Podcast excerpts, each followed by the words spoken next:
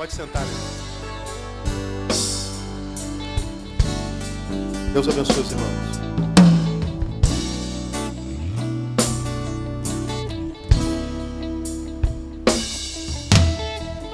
Lucas capítulo 24.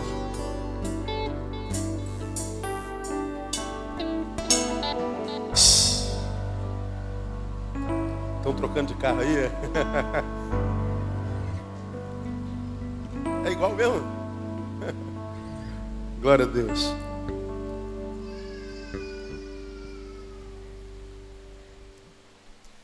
Nós temos meditado, irmãos, há alguns meses em cima do episódio que relata o encontro de Jesus com os discípulos no caminho de Emaús.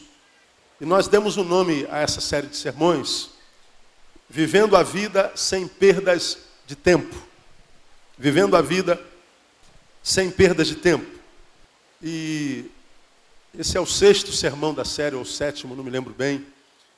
E a gente tem feito uma, uma, uma analogia desse episódio que eu relembro a cada domingo de manhã para quem está vindo pela primeira vez, era o dia da ressurreição. E os discípulos que estavam voltando para Emaús estavam em Jerusalém esperando o cumprimento da promessa de que Jesus ressuscitaria ao terceiro dia. O dia estava acabando e os discípulos do caminho de Emaús não souberam esperar, não tiveram paciência para esperar. E porque não tiveram paciência para esperar, acreditaram equivocadamente que Jesus era um farsante, digamos assim. Prometeu que ia ressuscitar e não ressuscitou. E eles então, acreditando no que eles quiseram acreditar, deixaram Jerusalém e voltavam para casa, para uma cidade chamada Emaús, que distava de Jerusalém 12 quilômetros. E eles iam conversando entre si, decepcionados, porque imaginaram que Jesus era uma farsa. Puxa, fomos acreditar em Jesus, quebramos a cara. Como é que a gente pode acreditar que alguém é ressuscitado dos mortos? Isso nunca aconteceu. E a gente, como é que a gente caiu na história da carochinha, não é? E eles voltavam para Jerusalém. Quando eles já estavam quase chegando perto de casa, Jesus, agora ressuscitado, ressuscitou, aparece a eles no meio do caminho e entra no papo. E aí, rapaziada, que vocês estão conversando aí, no caminho? Diz o texto que quando Jesus entra no assunto ressuscitado, eles param tristes, olham para Jesus, não o reconhecem e tratam Jesus com aspereza. Pô, cara, onde é que você tem andado, brother? Você, você é o único peregrino que não sabe o que tem acontecido aqui em Jerusalém nesses últimos dias? Você não ouviu de Jesus que disse que ia ressuscitar? Mas na verdade nem ressuscitou, nós quebramos a cara. Você não viu o, o, o burbúrio na cidade, você não viu aquela multidão esperando o cumprimento da promessa. Você é o único desinformado que a gente tem aqui. E Jesus então se faz de rogado e eles continuam a sua trajetória. Quando eles chegam na casa deles, Jesus é, simula continuar a jornada. E eles falam para Jesus: Poxa, para onde você vai? Já é tarde, entra, dorme com a gente. E amanhã você segue tua jornada. Jesus então entra, aceita o convite. Eles sentam na mesa para tomar um café, comer alguma coisa, afinal de contas, eles tinham caminhado 12 quilômetros. Imagina uma caminhada de 12 quilômetros no sol como o de hoje, por exemplo. Né? E eles caminharam 12 quilômetros. Quando eles sentaram para comer, Jesus pega o pão e parte. A ideia que eu tenho é que quando Jesus pega o pão e parte, eles se lembram do episódio da ceia, e eles então percebem que aquele cara que está sentado na mesa dentro da casa deles, com quem eles caminharam um período e até chamaram atenção, trataram com aspereza, era Jesus. Quando os olhos do coração deles abrem, e eles percebem que é Jesus diante de nós, diz o texto que Jesus desaparece na frente deles.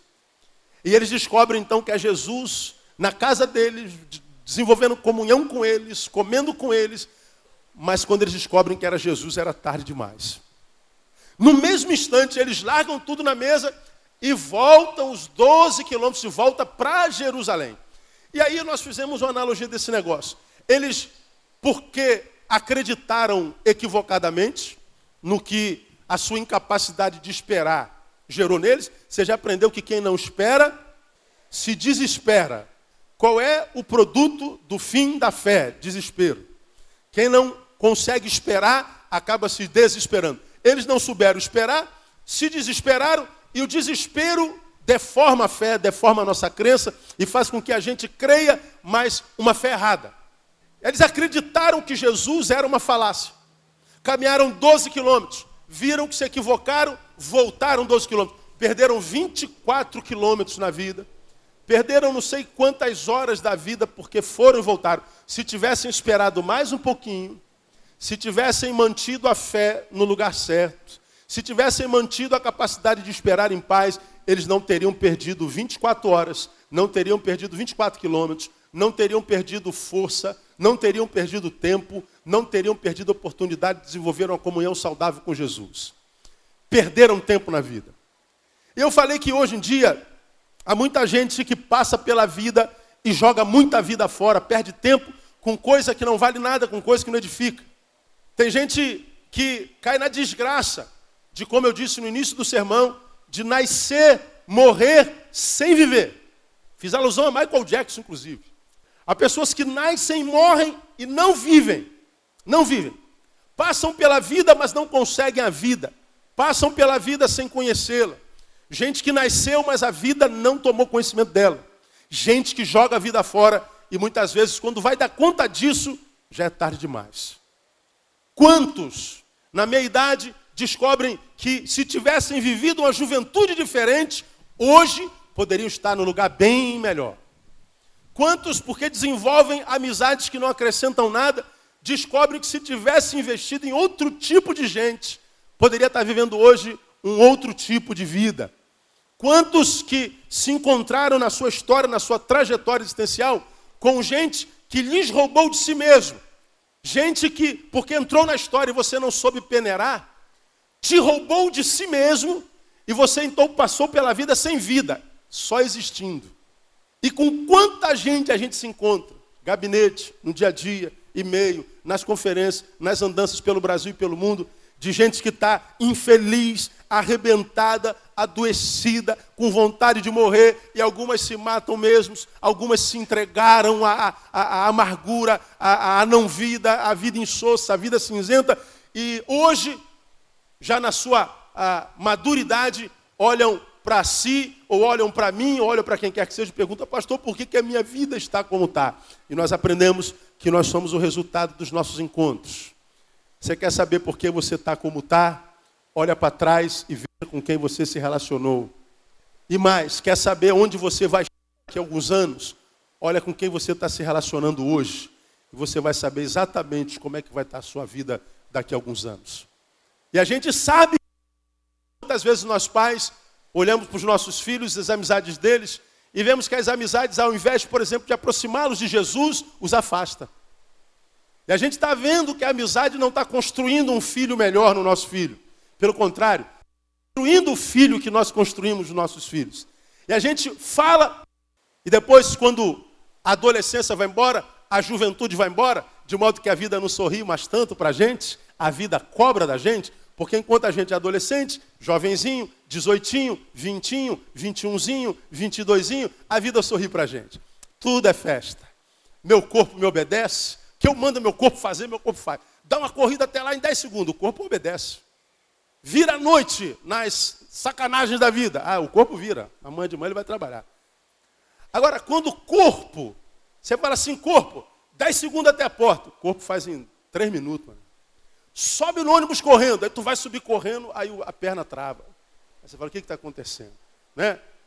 Quando pela primeira vez um, um jovenzinho chega perto de você e fala assim, tio, aí, tio, tio, da onde esse moleque tirou esse negócio? Tio, é, você vê que você já faz parte de outro time.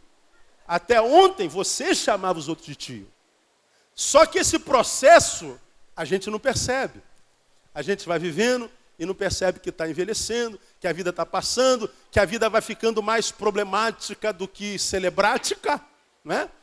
Não dá mais para ficar de zoação, não dá para ficar mais de, de, de, de, de, de, de, de, de, não é? A vida cobra da gente. O pai que pagava a nossa cueca com todo prazer, pagava o nosso tênis, agora fala assim, pô moleque, teu tênis já acabou?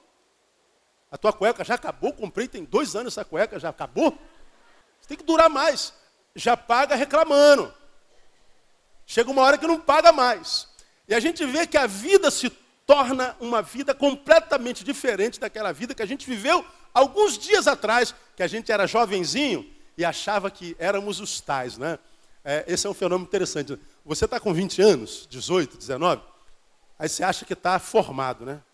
Estou no auge do meu saber, da minha visão de vida, e você toma algumas posturas no auge da tua sabedoria, não é? Aí quando você faz 30 anos, você olha para trás e lembra quando tinha 20 anos. O que, que a gente sente? Diga você que tem 30. A gente olha para trás e fala assim, cara, eu era um idiota e não sabia. Eu não estou falando que quem tem 20 é idiota, né? Eu estou falando que quem tem 30 e olha para trás e fala assim, meu Deus, eu estava crente que estava abafando, e na verdade eu era chacota do povo, e não, nem isso eu sabia.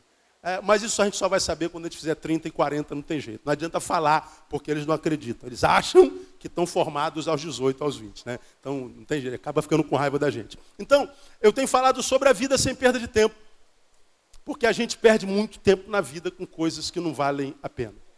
Não é? Aí nós começamos a estudar quando é que nós perdemos tempo na vida. Distância, quando nós nos distanciamos de Deus ou daquilo que é santo.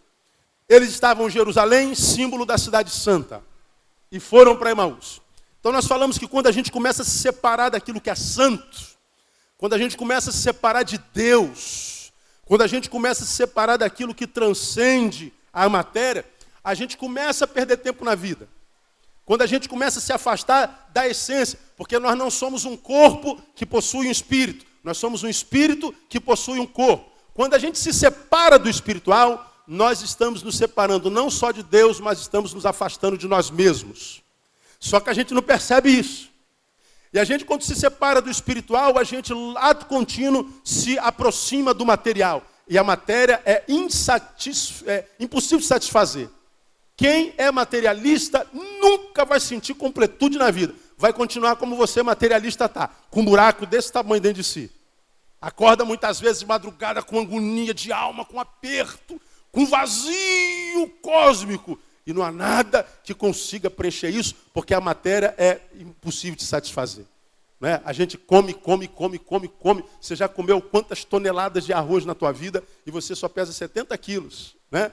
já comeu umas cinco carretas de arroz ao longo dos teus anos e a tua carne sempre pedindo mais. A gente só quer mais, mais, mais, porque uma, a matéria nunca se satisfaz. Você está aí nos teus estudos intelectuais, filosóficos, e eu acho que todo mundo devia estudar filosofia, e a gente vai buscando saber, saber resposta, resposta. Quanto mais resposta você tem, mais resposta você quer, e quanto mais resposta você quer, menos resposta você tem, e quanto mais resposta você tem, menos, mais vazio você se sente. O saber nunca é suficiente para a fome da nossa alma. Quando a gente se separa do espiritual, a gente está se afastando da essência. E quem abre mão do essencial pelo trivial vai passar pela vida sem viver. E no final o que sobra é choro amargo. Então, quando é que a gente começa a jogar a vida fora? Quando a gente se afasta do que é santo, quando a gente se afasta do espiritual, porque foi Jesus quem diz: busca primeiro o reino de Deus e a sua justiça. E as coisas serão acrescentadas. Então repita após mim. Crente, ou melhor, ser humano que quer viver uma vida que vale a pena ser vivida, não corre atrás das coisas. Busque entrar no reino. Porque se entrar no reino e o reino entrar nele, quem nos dá as coisas é Deus. Você não precisa correr atrás das coisas, as coisas correm atrás de você se você estiver no reino de Deus. Nenhum bem falta aos que temem e servem o seu nome. Busca primeiro o reino. Todas as outras coisas. Quantas coisas, irmãos? Todas, diga todas. Todas as coisas vos serão acrescentadas. Agora, quando a gente deixa o reino para correr atrás das Como é que está a vida, irmão? Estou correndo atrás. E aí, irmão, como é que está? Correndo atrás, pastor. E aí, eu estou correndo atrás. Você está crente que está abafando. E não percebe que está sempre correndo atrás. Quem corre atrás Chega em segundo, sempre. Nunca chega lá. E o pior, sonha, busca, deseja, ambiciona e trabalha, chega lá. Eu quero chegar lá, pastor, legal. Chega lá. Quando chega lá, descobre que lá Não é lugar nenhum. Enquanto ele queria chegar lá, ele tinha uma razão para viver. Agora ele lá já está. E agora? Tua vida se resume no quê? E aí você vê muita gente que queria chegar lá, lá chegou e lá é o mais infeliz de todos. Porque para chegar lá, deixou o que é santo, deixou a coisa principal, e você já aprendeu que a coisa principal é fazer da coisa principal a coisa principal. E a coisa principal é Jesus de Nazaré, é buscar o que é santo. Irmão, isso não é mais questão de fé, isso é questão de inteligência. Porque a Bíblia diz que todo joelho se dobrará ao nome de Jesus. Você acredita nisso, amém ou não? Todo joelho, por bem ou por mal, todos vão reconhecer que Jesus Cristo é o Senhor. Se isso é uma realidade, dobrar antes da dor é questão de inteligência. Não é só de fé. Não é só de fé. Aí começamos a mostrar algumas marcas das pessoas que estão se distanciando de Deus, distanciando do que é santo, porque distanciar-se do que é santo não é necessariamente distanciar-se da igreja, porque há muita gente na igreja que está longe do que é santo. Eu acredito que tem até gente que não está na igreja, não é por falta de opção, é porque não, não tem opção mesmo, que está perto de Deus. Você pode estar é, fora da igreja, mas perto de Deus. Quando isso não é uma opção. O que eu não acredito é que alguém que esteja longe da igreja esteja perto de Deus, mas que esteja longe da igreja por opção. Não. Está longe da igreja por opção, duvido que você está perto de Deus. Você mente para si mesmo, você sabe disso. Só não sei se você é homem para admitir isso. Mas é problema é seu, não é meu, a vida é sua. Faça dela o que você quiser. Estou nem aí, não é? Eu só sou um pregador da palavra. Então comecei a mostrar algumas marcas do distanciamento de Deus. Primeiro, incapacidade de discernir a presença de Deus é, em meio às crises. Jesus apareceu para os caras e os caras não sabiam que era Jesus. Porque tão tomados pela dor, pela decepção, pela frustração, que voltados para o seu umbigo, para a sua própria dor, não conseguem discernir que Deus está no meio da dor. E aí, no meio da dor, imagina que Deus nos abandonou. Isso é, está perdendo sensibilidade espiritual, está perdendo intimidade com Deus que diz que estaria contigo todo dia. Perde-se a capacidade de discernir a presença de Deus em meio ao caos. Que mais? Soberba. Eles olham para Jesus sem saber que era Jesus e diz: Você não sabe o que está acontecendo por aí? Como quem diz: Nós sabemos e você não. Quantas vezes nós achamos que Deus não sabe o que está fazendo e a gente acha que sabe o que está fazendo sempre? Não admite a hipótese do equívoco, mas admite-se a hipótese do equívoco em Deus. Isso é gente que está longe. Semana passada falamos sobre frustração, aparentemente com o divino, mas na verdade é frustração consigo mesmo. E hoje eu quero mostrar uma outra marca que eu quero confessar a você. Essa palavra me, me causou bastante medo. Eu não me lembro de ter sentido medo de pregar uma palavra nos últimos 19 anos que eu prego a palavra, mas essa palavra aqui me amedrontou e você vai ver por quê. Uma marca contundente de quem está se afastando do que é santo e certamente perderá tempo na vida, logo, logo a vida cobra dele o tempo que ele jogou fora. É, isso é regra sem exceção. Uma outra marca é a que eu vou conversar com vocês hoje, que é a incredulidade. Incredulidade. Mas eu não vou falar da incredulidade, essa óbvia. O que é uma pessoa incrédula? Diga para mim. O incrédulo é alguém que não crê. Então, quem é crente não pode ser incrédulo. Não é a lógica? Ah, você é um incrédulo, ou seja, não creio. Ah, o seu amigo que não é crente, aí você diz ele é um incrédulo. A gente chama de ímpio. Mas eu não quero falar dessa incredulidade óbvia, não. Quero falar de uma incredulidade que vai além da, do fato de não se crer. Raciocinem comigo. Eu queria muito terminar esse sermão hoje. Por que, que você crê? Ah, para para pensar. Enquanto você pensa, aonde é que está essa marca na vida dos discípulos do caminho de Emaús? Está no versículo 25. Jesus, lá no 25, diz para eles assim: Então ele lhes disse: Honécios e tardos de coração para crerdes tudo que os profetas disseram. Nécios, tolos, tolos, tardos de coração para crerdes. Lerdo, um coração lerdo para a fé. Vocês podem até crer, mas creram tarde demais. Seu coração é lerdo, um coração lerdo é também um coração incrédulo. eles viram que era Jesus e creram, mas tarde demais. Tem coisas na vida, irmão, que se passar da hora não tem jeito. Quantas semanas uma mulher fica grávida? Semanas. 40. Se o médico bobear, perder a conta e a mulher ficar 42 dias grávida, o moleque não nascer. O que, que acontece?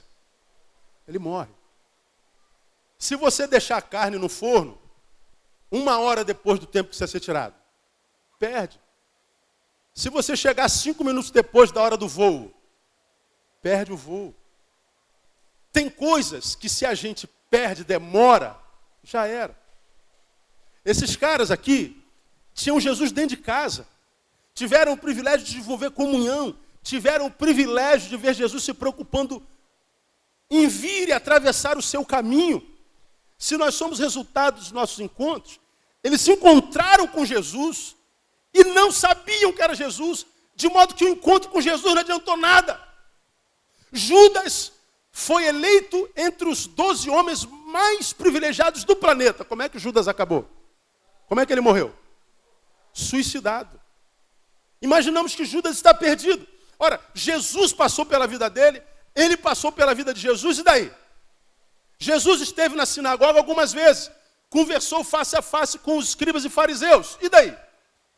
E daí?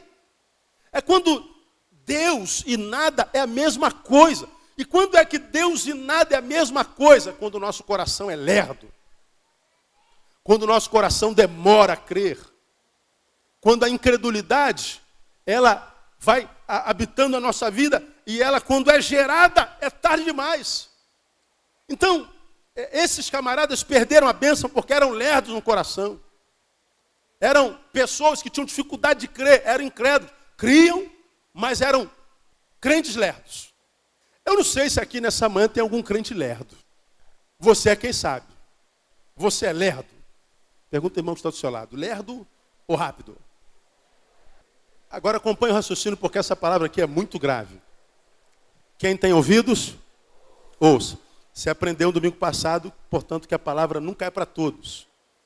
Alguns de vocês não tem mais jeito, já perderam o ouvido. Devia estar na Barra da Tijuca agora, pegando sol e vendo mulher pelada, ou homem. Está perdendo tempo aqui, sabe disso. É para quem tem ouvidos. Biblicamente, por que, que você crê? Diga para mim. Romanos 10, 17. A fé vem pelo ouvir. Por que, que você crê? Porque você ouviu. A fé vem pelo ouvir e ouvir a palavra de Deus.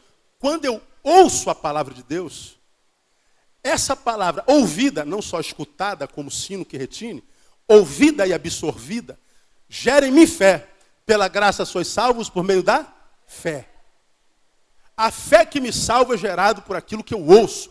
A fé entra pelo ouvido. Agora, o que, que nós falamos que é um incrédulo mesmo? O incrédulo é o que não crê.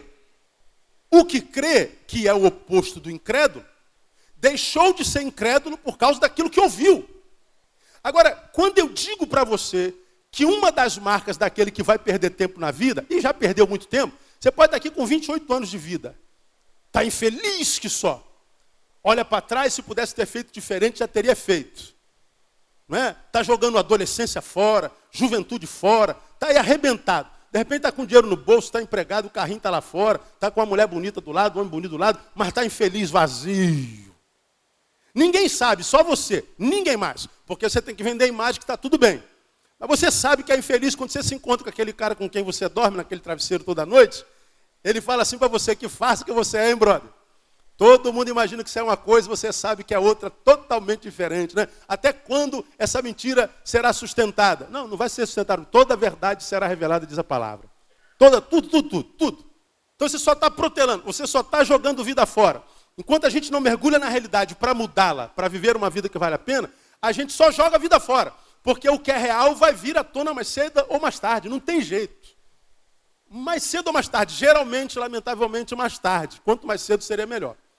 Ora, se esse cara aqui, esses dois camaradas eram incrédulos, e outrora eles criam, deixaram de crer por alguma razão.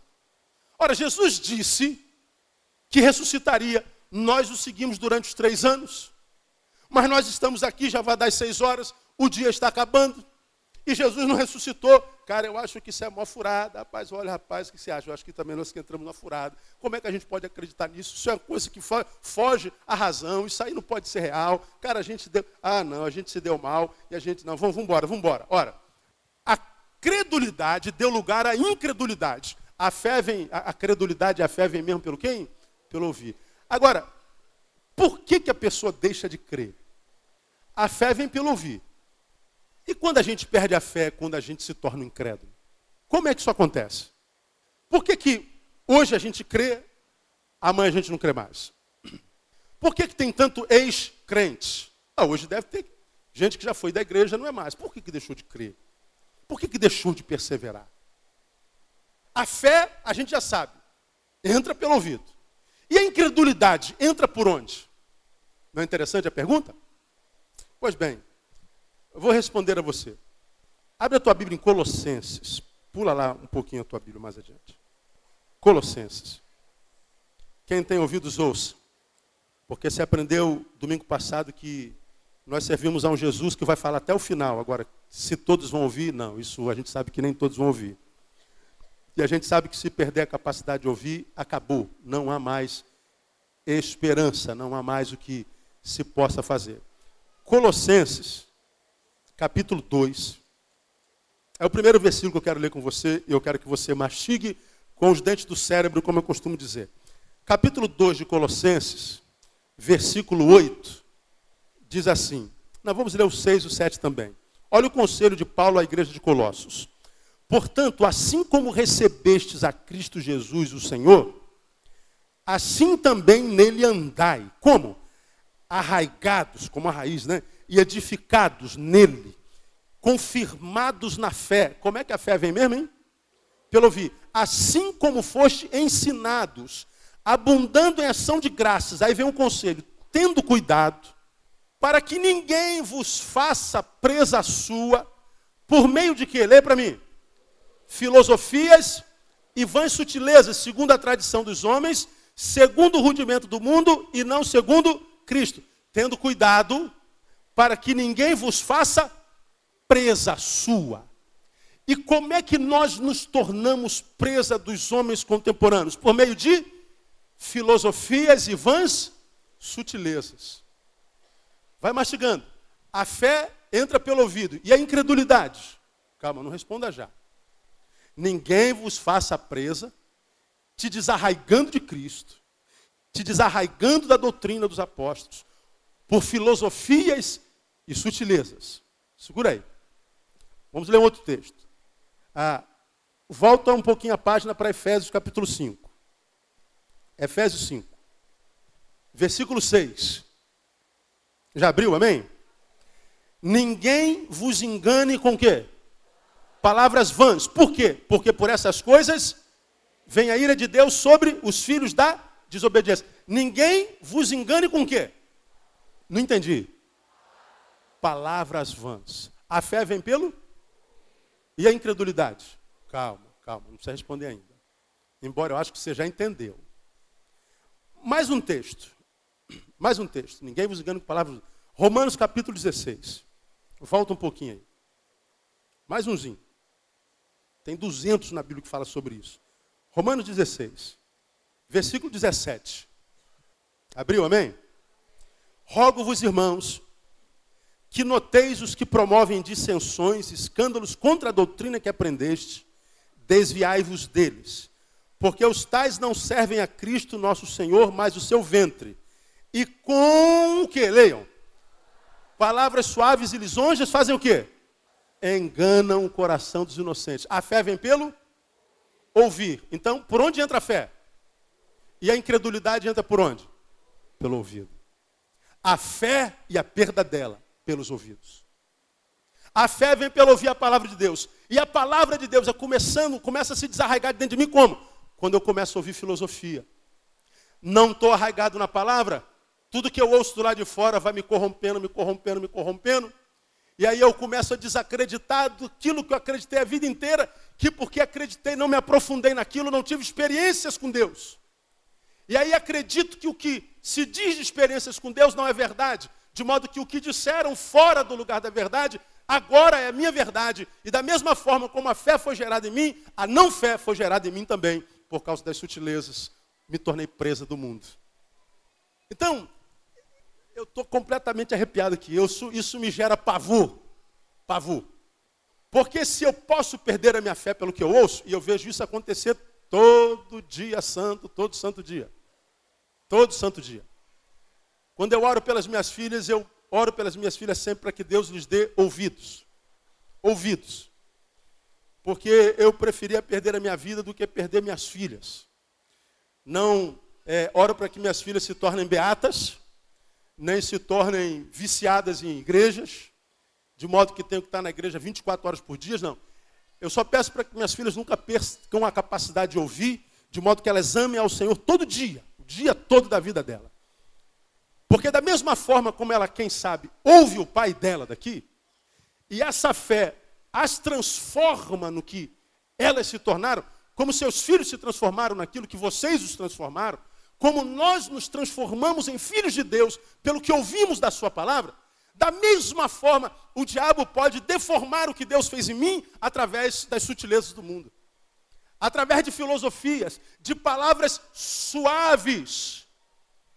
Isso quer dizer que quando o diabo vem matar, roubar e destruir, desconstruir a figura do homem novo que foi gerado dentro de nós, ele não vem só atacando o evangelho. Jesus não existe. O inferno é coisa de, de, de idiota. Esse negócio de fé não existe. Não, ele não vem como inimigo. Ele vem com palavras suaves. Ele vem com lisonjas. Ele vem com ensinos que contradizem a palavra, dentro da qual, não estando arraigados, ela vai sendo arrancada de dentro de nós e nós acabamos por nos tornar incrédulos, lerdos e aí mergulhamos na razão sem unção, na razão sem experiência ou sem relação empírica mesmo, a respeito da qual Paulo fala em Romanos capítulo 12. Rogo-vos, pois, pela compaixão de Deus, que ofereçais os vossos corpos como sacrifício vivo, santo e agradável a Deus, que é o vosso culto racional. Aí diz mais adiante: e não vos conformeis com esse mundo, mas transformai-vos pela renovação da vossa mente, para quê? Quem se lembra? Experimenteis. Paulo está dizendo que a relação com Deus é experiencial, é empírica.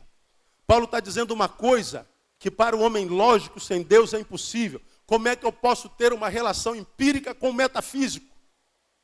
Como é que eu posso ter uma relação como, como eu tenho com esse púlpito? Eu estou sentindo ele, pastor, com uma coisa que não existe. Isso é impossível. Impossível ao que não crê. Por isso que a Bíblia diz que sem fé é o quê? Impossível mesmo. Então, quando um homem chega perto de você e fala assim, pastor, é impossível ter uma relação experiencial, empírica, com o metafísico, com o sobrenatural. Ele tem razão. Seu professor da faculdade tem razão. Impossível a ele. Porque essa relação antilógica do, da experiência com o, o, o não palpável, o não mensurável, é ilógica mesmo só é possível pela fé. E a gente sabe que a fé é um dom de Deus. Se você crê, crê porque Deus plantou isso em você. Ninguém pode vir a mim se o Pai que me enviou não o trouxer. Sabe por que você ama Deus? Sabe, não sabe? Porque Ele te amou primeiro. Diga assim: o amor do homem em direção a Deus é sempre a posteriori. Porque a priori é Deus que nos ama. Então, crê, irmão, teu amor a Deus é resultado do amor de Deus por ti. Aí a gente tenta explicar racionalmente a quem não tem fé a nossa fé. Fé é inexplicável, irmão. Agora, esse texto está dizendo que, da mesma forma como a fé vem pelo ouvir, a não fé vem pelo ouvir também. Quando eu me torno incrédulo, eu estou me afastando do que é santo. Quando eu me afasto do que é santo, eu estou jogando vida fora vida fora. Atendi alguém essa semana que eu nunca vi na minha vida. Marcou lá, eu atendo.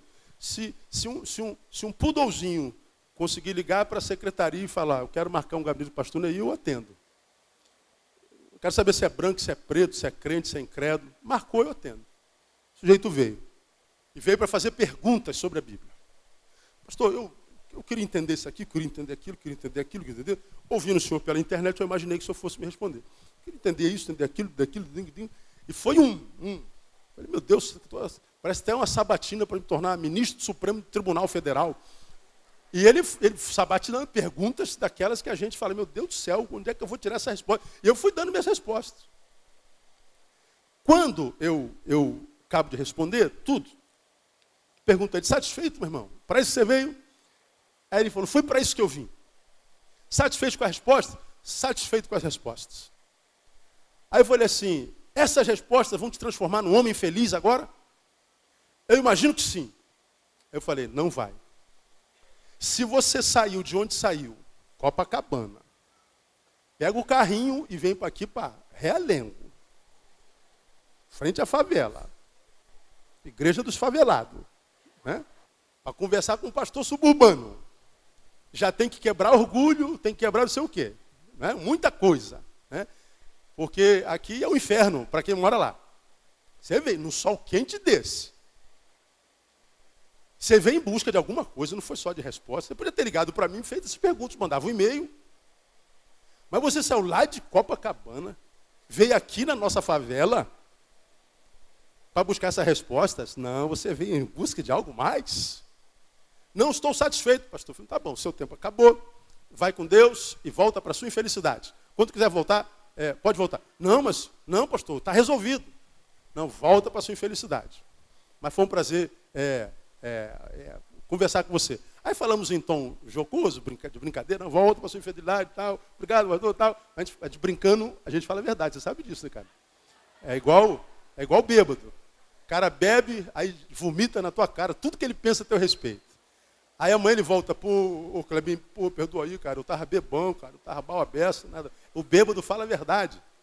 Acredita no que um bêbado diz. Porque a, a, bebida, ela não rouba a nossa consciência num determinado grau. Pelo contrário, a bebida quebra os muros da ética, da moral. Aqueles muros que nos é, é, é, é proíbem de andar pelado, por exemplo, aqui. Se você pudesse me tirar essa roupa aí agora com um calor desse. Pois é. Mas por que, que eu não tira? A ética não permite. Nós temos paredes que nos, nos, nos, regem ainda. Agora, quando a bebida sobe na cabeça do cara, essas paredes caem e ele começa a falar: Você é bom safado mesmo, negão safado, sem vergonha e tal. Pô, Léo, me perdoa, eu estava mal. Nada, é o que ele pensa de você. Acredita no que um bêbado diz. O negócio é sério. Né? Minha irmã, acredita com o que o seu marido diz para você quando ele está bêbado. Se ele fala assim, mulher, eu te amo, mulher, me perdoa, mulher, me ajuda, eu te amo, eu amo você, mulher. Ele está dizendo a verdade. É interessante essas coisas, né? Aí brincando, dizendo a verdade. Ele foi embora. Segunda-feira. Quando é na quinta-feira, o camarada liga para mim, pastor, lembra de mim? Lembro, o infeliz, né? Não, pô, pastor, brincadeira, pô. Ô, pastor, tá. Tô brincando, tô brincando, tô brincando. Agora você tá bem, não tá? Eu falei, pô, não tô não, pastor. Peguei aquelas respostas todinhas. Eu descobri que saber ou não saber as respostas não basta.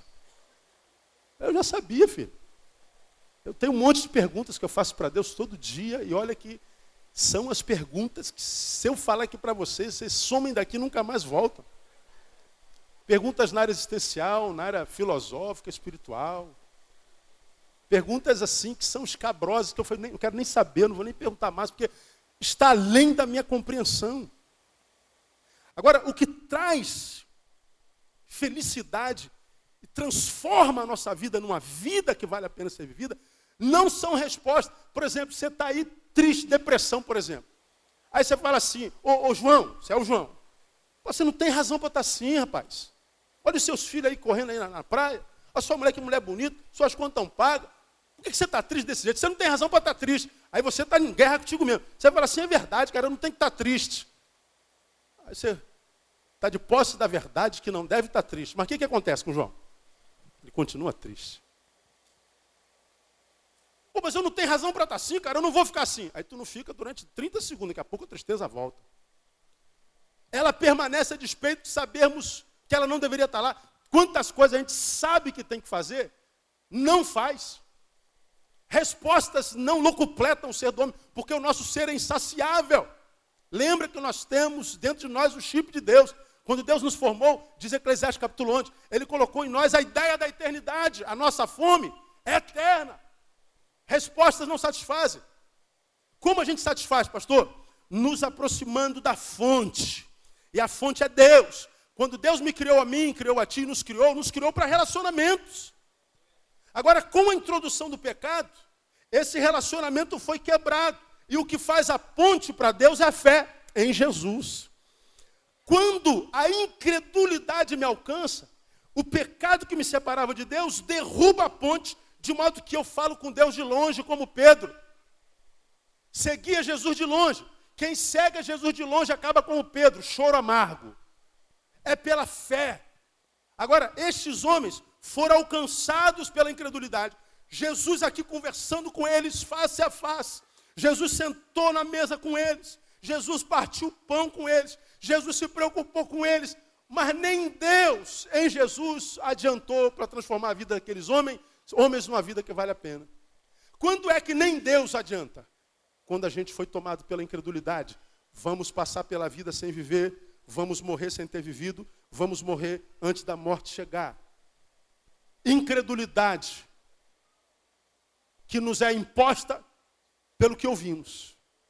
Por isso que eu tenho tentado ensinar aos irmãos, e alguns têm aprendido, eu louvo a Deus por isso, é por esses que eu louvo, que quando eu digo que nós somos o resultado dos nossos encontros, somos porque relacionamento humano é troca de informações, é troca de sentimentos vitais, de emoções, que nos invadem, que nos pervadem, que nos transformam, que nos deformam, que nos amadurecem, que nos meninizam. Depende da pessoa ou das pessoas com as quais nós nos relacionamos. Quantos de vocês que é, foram fazer uma faculdade perderam a fé? Aí você fala assim, mas porque nada disso tem sentido, pastor? Pois é, tem um irmão seu que estudou na mesma sala que você, que estudou a mesma coisa com o mesmo professor, e a mesma coisa que o professor disse aumentou-lhe a fé. Por que, que um aumenta a fé e em outro a fé some? Não é por causa do que foi ministrado, porque você já é o resultado dos seus encontros anteriores.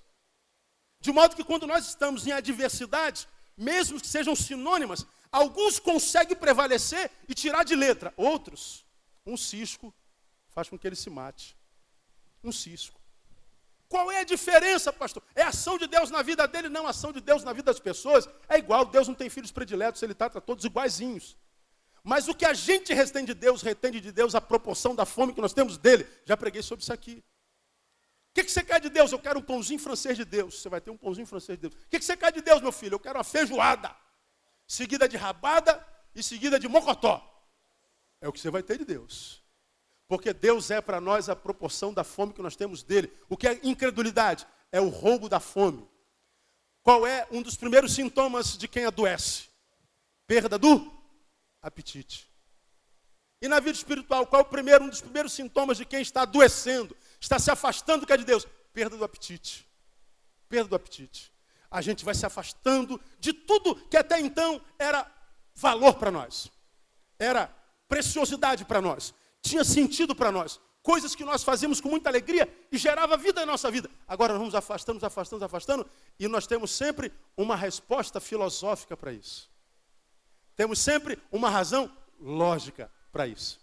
Por quê? Porque as vãs filosofias, eu acho que todo mundo devia estudar filosofia, eu sou graduado em filosofia, amo filosofia, acho que ensina a gente a pensar. Agora, infelizmente, muitos, por causa da filosofia da vida, nem nem da faculdade, vão sendo roubados e vão sendo batizados com a incredulidade que rouba de você a capacidade de ter experiências com o sobrenatural. Agora, entenda que a incredulidade não é só, grava isso aqui, incredulidade não é só o ato de não crer, é também o fato de crer sem receber recompensa da fé. Quem escreve, anote isso aí. Incredulidade não é só o ato de não crer, é também o fato de crer e não receber a recompensa da vossa fé discípulos de Emmaus. Já preguei sobre isso aqui outrora. E fiz, fiz alusão de uma música que Davi Sasser canta.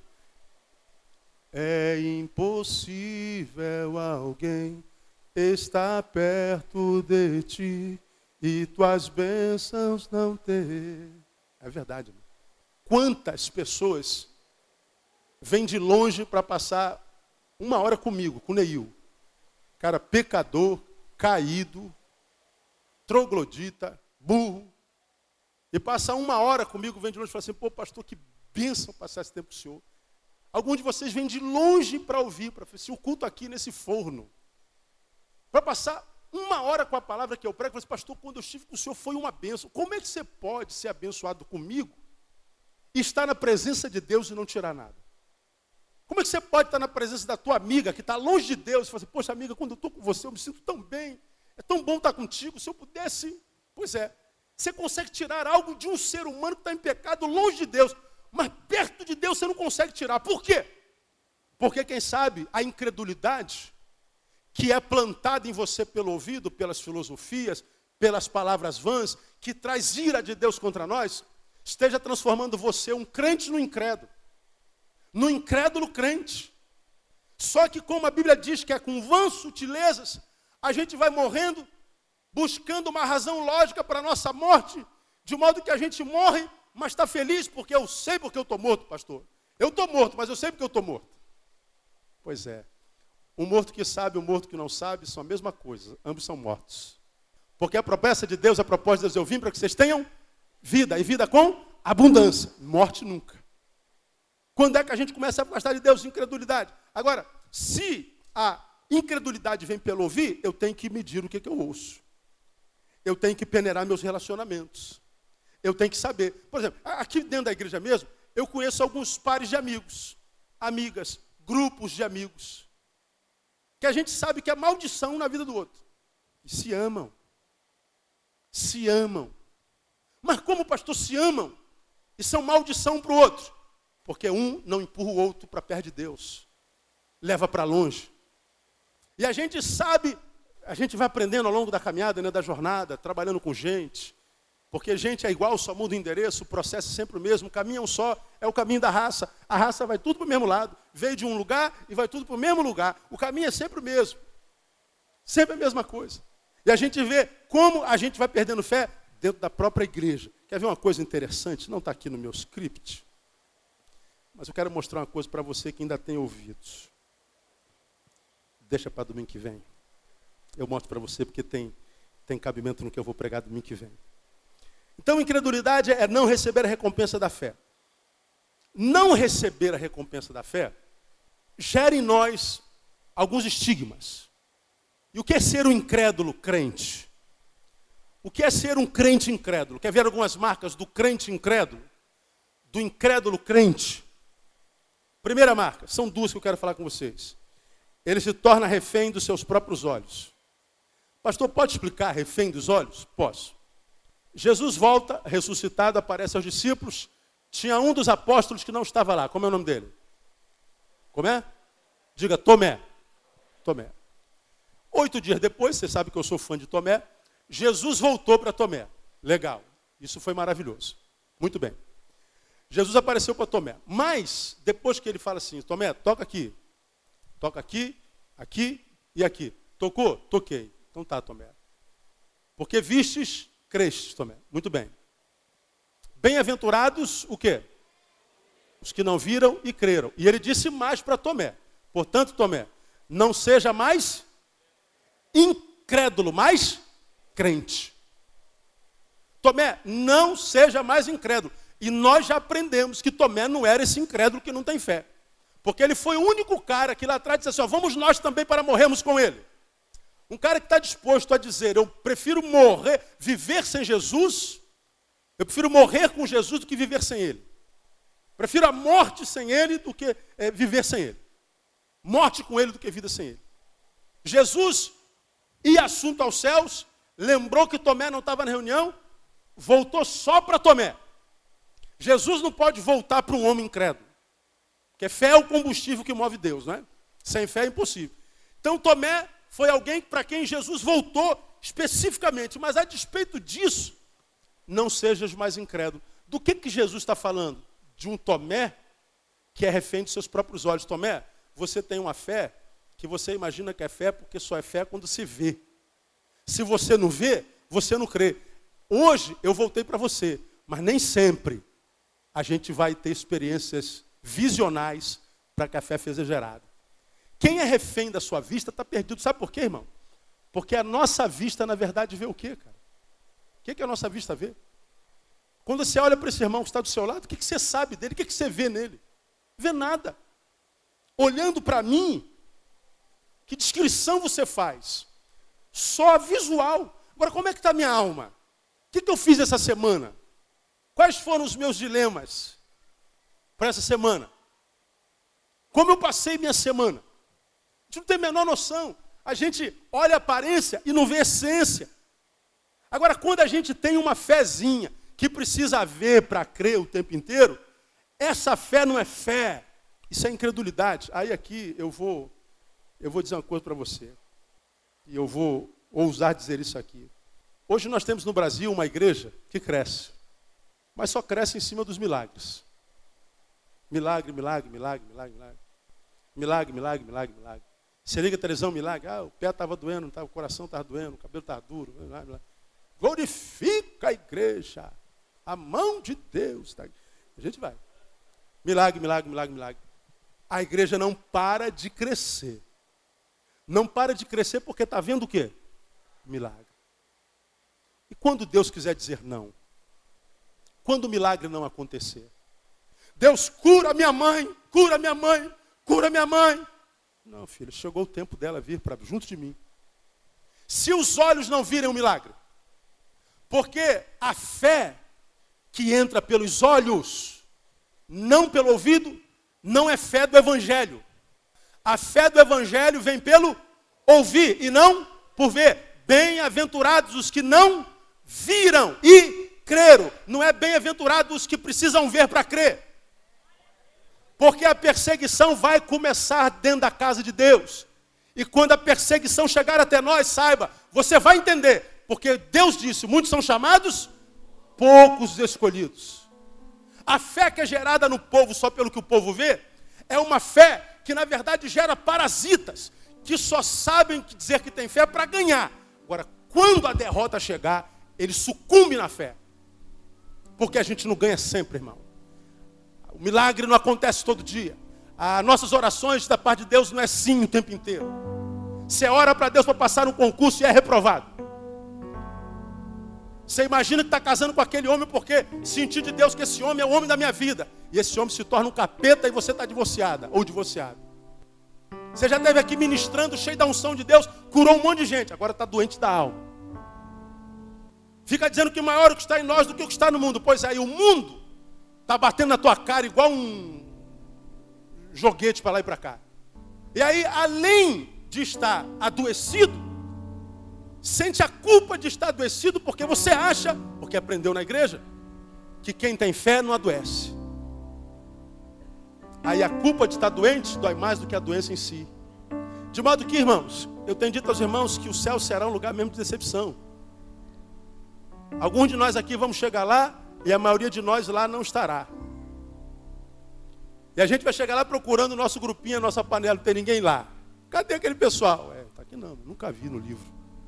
Porque a gente acha que o que a gente vê, por exemplo, acontecer nesse país hoje é a fé aumentando. Mas que fé é essa? Fé que vem pelo milagre. Fé que vem pelos olhos. Está todo mundo lá com a fotinha do marido doente, do filho drogado. Você liga a televisão, traz a cueca dele, traz o lenço dele, traz a calcinha dela, traz uma peça de roupa. E, gente, e o povo vem atrás do milagre. Eles querem ver.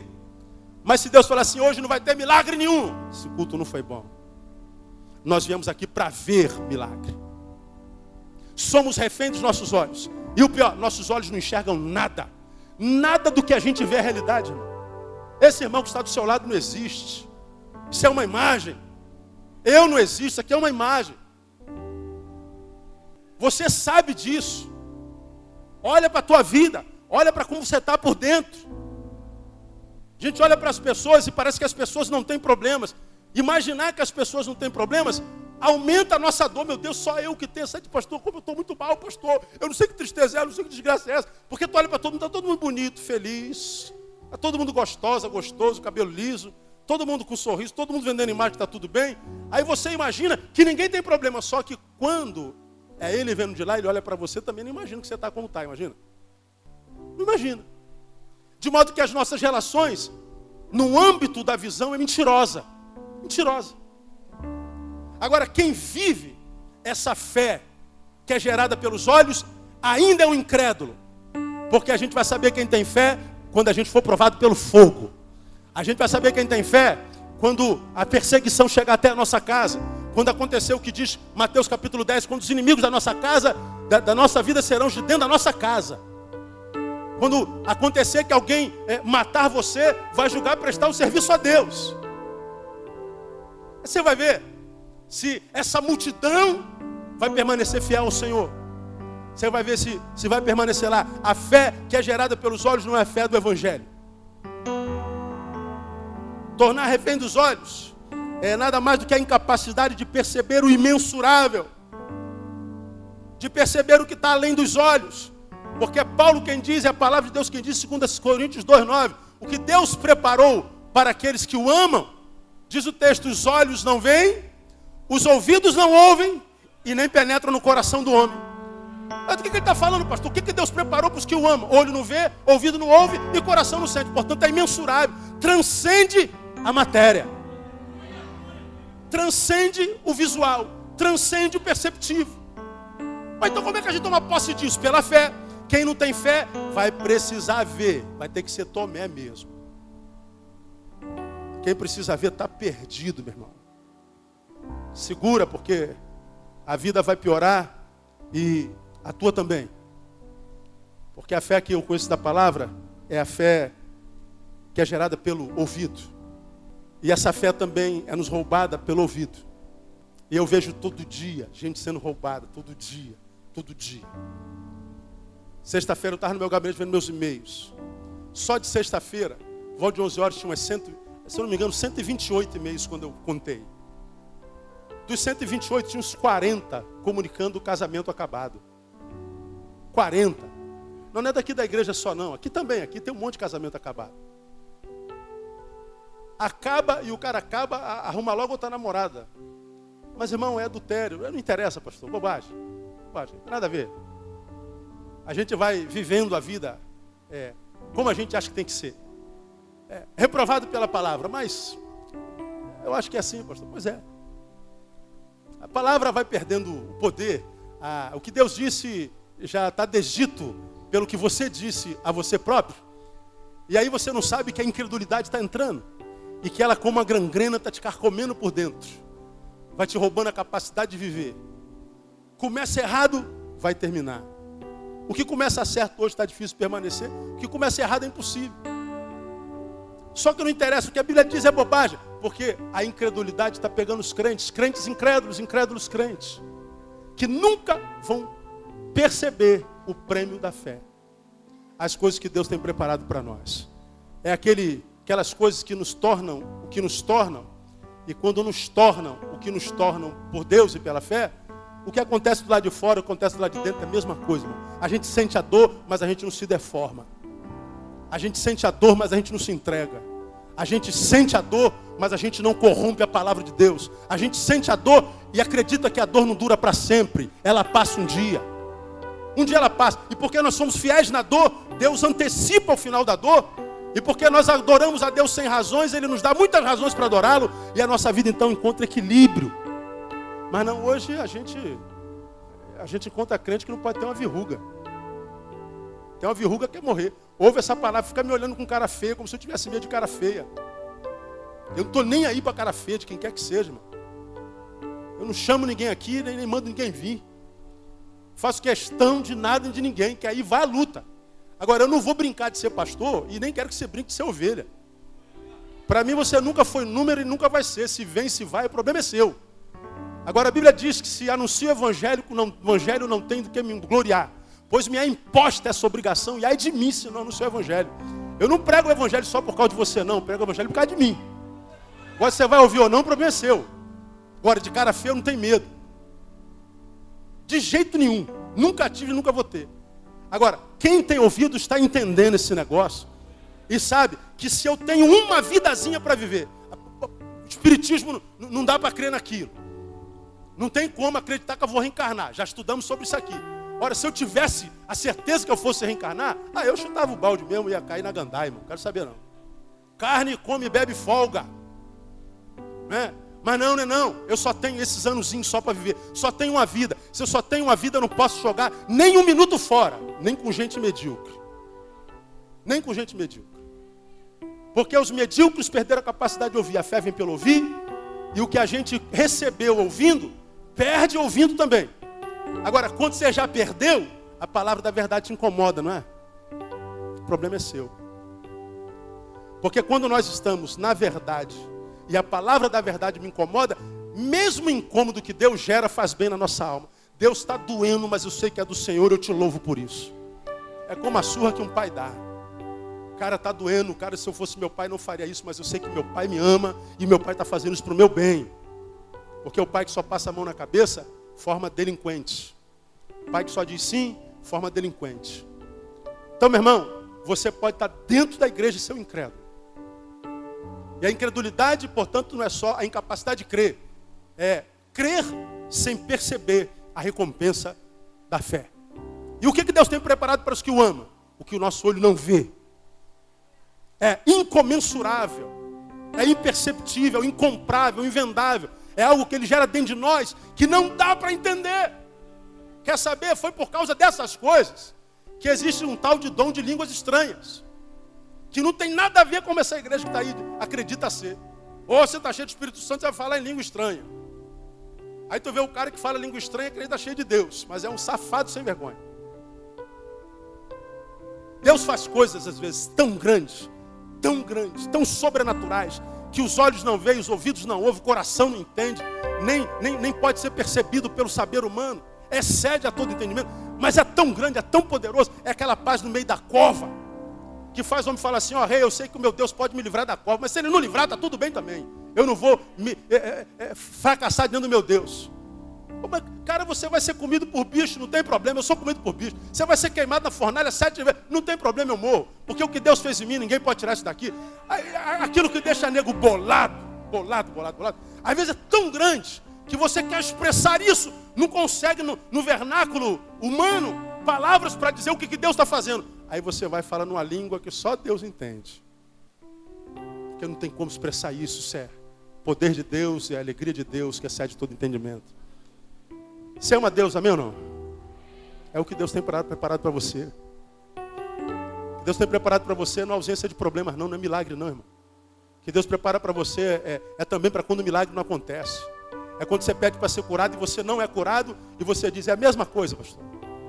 Quando você pede para passar lá no concurso você é reprovado. Glória a Deus. A alegria do Senhor é a tua força, não a aprovação do concurso. De modo que você é completamente desapegado do que acontece lá de fora. Comprou um carro, você dá glória a Deus, roubaram o teu carro, glória a Deus também. Como, cara, você está dando glória a Deus? Porque meu coração não está dentro daquele carro, meu coração está no Senhor.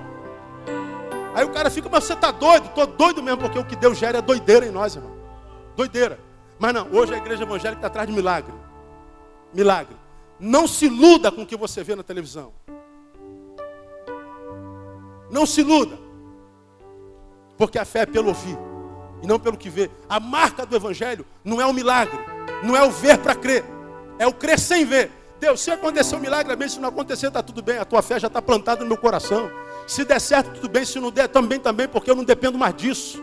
Estou livre disso. Antes, pastor, eu só podia ser feliz se eu tivesse um homem, se eu tivesse uma mulher, se eu tivesse um emprego, se eu tivesse sei o quê, se eu tivesse. Você tem tudo, continue feliz. É quando tudo não basta. Não basta mesmo. Meu irmão, busca primeiro o reino de Deus. Aí todas as outras coisas são acrescentadas. Busca o reino de Deus, você vai entender que o Senhor é teu pastor e nada te falta mesmo. E quando você imaginar faltar, lembra que é só imaginação. Porque se não pudesse faltar, Deus teria te dado. Se não te deu, é porque pode faltar.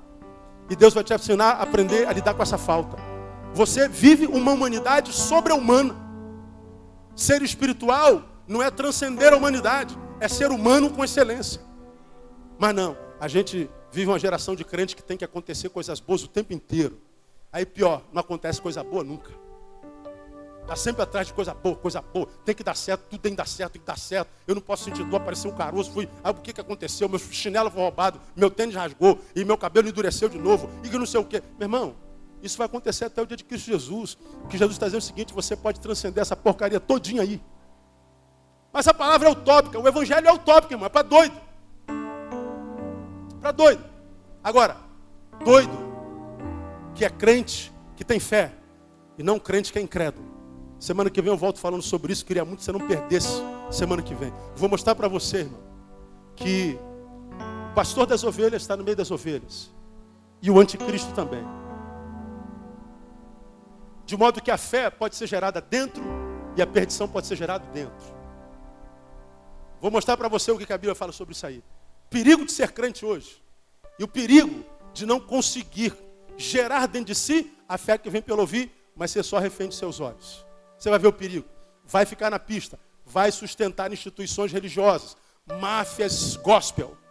Vai gastar seu dinheiro atrás do milagre. E mesmo que o milagre aconteça, o milagre não vai te fazer feliz, porque o que faz feliz é o que Deus gera dentro de nós. O reino de Deus não consiste em comida nem bebida, mas é alegria e poder do Espírito Santo de Deus. Não é o que acontece materialmente, é o que acontece espiritualmente.